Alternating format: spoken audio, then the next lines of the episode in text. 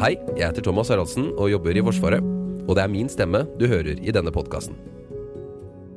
Del 3 Forsvarssjefens råd Kapittel 6 Tilpasning av Forsvarets struktur til vedtatte økonomiske rammer. Kapitlet beskriver hvordan Forsvaret må tilpasses for å møte en økonomisk utviklingsretning som tar utgangspunkt i gjeldende langtidsplan med tilhørende økonomiske planrammer. Forsvaret har ikke balanse mellom oppgaver, struktur og økonomi. Frem mot utløpet av 2028 skal Forsvaret etter planen realisere flere kostbare investeringer. I tillegg er det som tidligere beskrevet valgt å ta risiko innenfor lagerbeholdning av ammunisjon og verdibevaring av EBA. Forsvaret er i dag ikke tilstrekkelig finansiert. Over tid har ubalansen resultert i en forsvarsstruktur som ikke har utholdenhet og robusthet til å yte tilstrekkelig motstand i en konflikt eller krig, særlig over tid. Dersom de vedtatte økonomiske rammene videreføres, må det innenfor Forsvaret gjøres tydelige prioriteringer. En tilnærming basert ensidig på å terminere eller justere investeringer er ikke bærekraftig over tid. Forsvaret må derfor ta strukturelle grep, noe som innebærer større kutt i strukturen kombinert med en tilpasning av planlagte investeringer. Dersom vedtatt økonomisk ramme videreføres, vurderer forsvarssjefen at prioriteter og ambisjonsnivå for Forsvaret må justeres. Forsvarssjefen anbefaler å fortsatt prioritere kapabiliteter som bidrar til å opprettholde situasjonsforståelse i våre interesseområder, og å videreføre evnen til å ivareta Norges jurisdiksjon, suverene rettigheter og sikkerhetsinteresser. Prioritet til situasjonsforståelse innebærer at Etterretningstjenestens funksjoner videreføres, men fremtidig vekst utsettes. Evne til rettidig etterretning, overvåkning og innhenting av måldata vektlegges og vil fortsatt være avgjørende for den samlende forsvarsevnen. Kystvakten og grensevakten videreføres på dagens nivå for å ivareta Norges jurisdiksjon, suverene rettigheter og våre sikkerhetsinteresser i det daglige.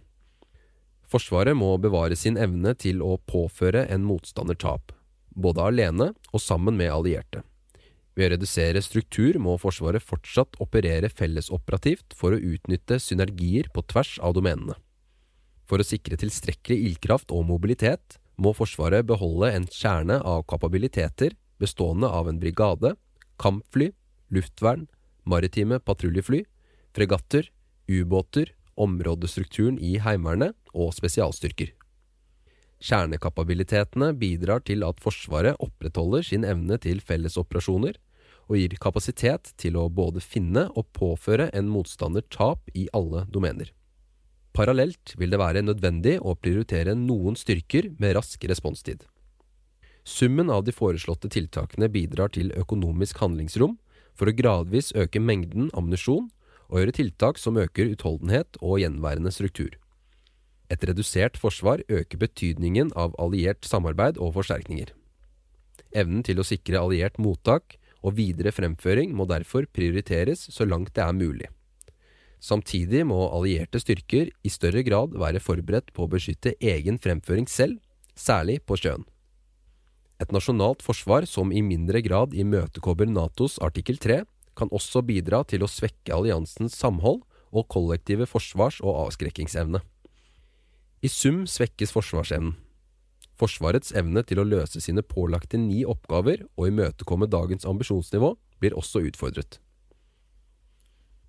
Felleselementer Forsvarets spesialstyrker er en strategisk kapasitet på høy beredskap. Spesialstyrker har høy kompetanse og tar lang tid å bygge opp.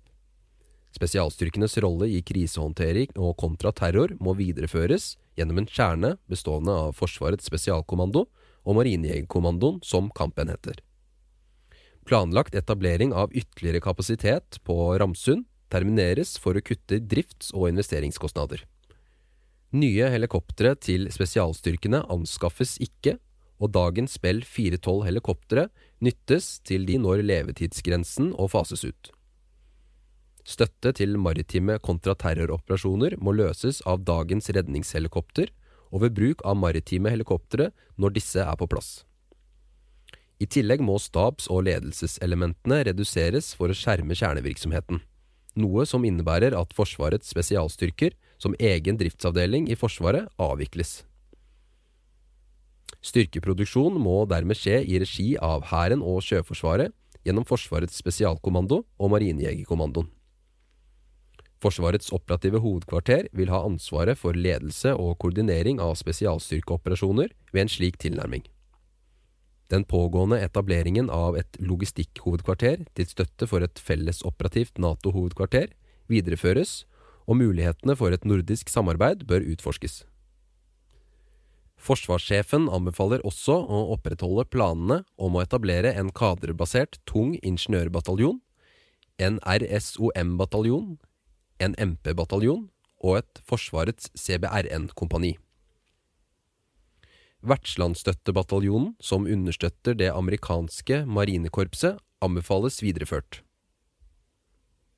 Oppbyggingen av et sanitetsledelseselement for koordinering av sanitet i bakre område anbefales også videreført. Fellesavdelinger som for eksempel Forsvarets sanitet og Cyberforsvaret må tilpasses og reduseres i tråd med endringer i Forsvarets øvrige struktur. Innenfor landdomenet må Hærens og Heimevernets struktur reduseres, noe som også innebærer at enkelte planlagte nyetableringer og investeringer termineres. I tillegg må Hærens og Heimevernets ledelse, administrasjon og basedrift reduseres i tråd med en mindre struktur. Brigaden forblir kjernen i Hærens struktur. Dagens Brigade Nord videreføres for å sikre landstyrkenes evne til ildkraft og mobilitet. Brigaden er en selvstendig kapasitet som både kan integreres med allierte styrkebidrag og i fellesoperasjoner. Etablering av den fjerde mekaniserte bataljon termineres, noe som vil føre til at Norge ikke møter Natos krav på dette området. Den besluttede satsingen på langtrekkende presisjonsild videreføres for å øke evnen til å påføre en motstander tap og skape fellesoperative effekter. For å redusere drifts- og investeringskostnader på Terningmoen må Forsvaret frafalle ambisjonen om en felles rekruttskole. Som konsekvens må rekruttutdanning gjennomføres i de operative avdelingene, unntatt for Hans Majestets Kongens Garde. Finnmark landforsvar i dagens form legges ned. Grensevakten videreføres for å ivareta overvåkning av den norsk-russiske grensen. Igangsatt arbeid med infrastruktur ved garnisonen i Porsanger ferdigstilles for å legge til rette for egen og økt alliert trenings- og øvingsvirksomhet, og for å opprettholde et minimum av tilstedeværelse i nordområdene. For å sikre evnen til situasjonsforståelse beholdes Hærens etterretningsbataljon som i dag. Forsvarssjefen anbefaler å redusere Heimevernets struktur. Kutt i Forsvaret og Hæren fører til at inntaket av vernepliktige reduseres, noe som også begrenser hentegrunnlaget for bemanningen av Heimevernet. I tillegg vil økonomisk ramme fremtvinge et redusert treningsnivå, som kan føre til at den operative evnen i Heimevernet gradvis reduseres. Heimevernets kjernevirksomhet er områdestrukturen, og denne må reduseres til et nivå som tillater nødvendig trening, samtidig som lokal tilstedeværelse opprettholdes i størst mulig grad. Evnen til å sikre skjermingsverdige objekter reduseres, og flere objekter går fra ambisjonen sikring til overvåkning. Forsvarssjefen anbefaler videre å kutte Heimevernets innsatsstyrker for å skjerme områdestrukturen. Dagens elleve distrikter justeres til fire regioner for å redusere kostnader til drift og infrastruktur. Samarbeidet med aktører innenfor totalforsvaret vil bli utfordrende ved en eventuell overgang til fire regioner. Totalt sett fører reduksjonene innenfor landdomenet til svekket reaksjonsevne og utholdenhet. I tillegg vil Forsvaret ikke imøtekomme Natos krav til landstyrker. Det operative ambisjonsnivået må nedjusteres, og Forsvarets tilstedeværelse innen landdomenet i nordområdene vil reduseres. Det maritime domenet Innenfor det maritime domenet må Forsvaret fremskynde utfasing av eksisterende infrastrukturer i Sjøforsvaret, kutte strukturelementer og stanse planlagte investeringer. Ledelse, administrasjon og basedrift må tilpasses en mindre struktur. Mindre prioriterte oppgaver må velges bort. Forsvarssjefen anbefaler at Forsvaret viderefører en kjerne sentrert rundt fregatt og ubåt for å sikre evne til nektelse og påføre en motstander tap i det maritime domenet. For å legge til rette for at kjernen kan opprettholde tilstrekkelig beredskap og tilgjengelighet, må andre deler av strukturen kuttes betydelig. Følgende strukturer med tilhørende prosjekter må kuttes eller utfases tidligere. Minedykkerkommandoen én minerydderskvadron, Alta Oksøy-klasse, én korvettskvadron, Skjold klasse, Sjøforsvarets sanitet, Kystjegerkommandoen, Marinens logistikkommando, MLK og regneklassen. Sjøforsvarets fregatter bør gjennomføre oppgraderinger for å sikre drift i tråd med klasseselskapets regelverk og krav. Kystvaktens rolle i håndhevelse av norsk jurisdiksjon og suverenitet opprettholdes. Innenfor det maritime domenet innebærer foreslått tilnærming at Sjøforsvaret viderefører fregatt med redusert evne, undervannsbåt, KNM Maud og kystvakt. Kutt i Sjøforsvarets struktur medfører betydelig lavere slagkraft og fører til at Forsvarets operative ambisjonsnivå innen sjødomenet må reduseres. Forsvaret vil ikke være i stand til å møte en ambisjon om sjøkontroll og må fokusere på nektelse.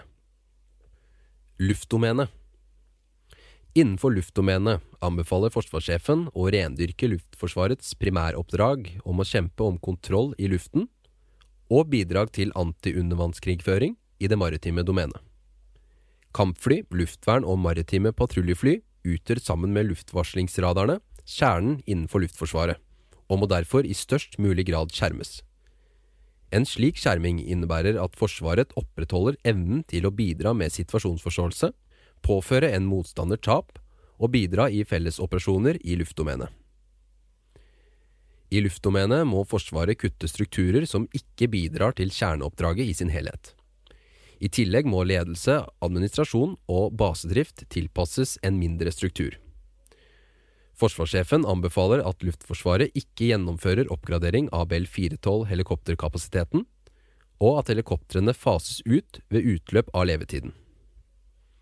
I tillegg avsluttes pågående anskaffelsesprosesser mot nye taktiske transporthelikoptre til Hæren og spesialstyrkene. Avviklingen innebærer redusert reaksjonsevne samt evne til taktisk mobilitet og støtte til spesialoperasjoner allerede vedtatt anskaffelse av maritim helikoptre videreføres for å støtte operasjoner i det maritime domenet.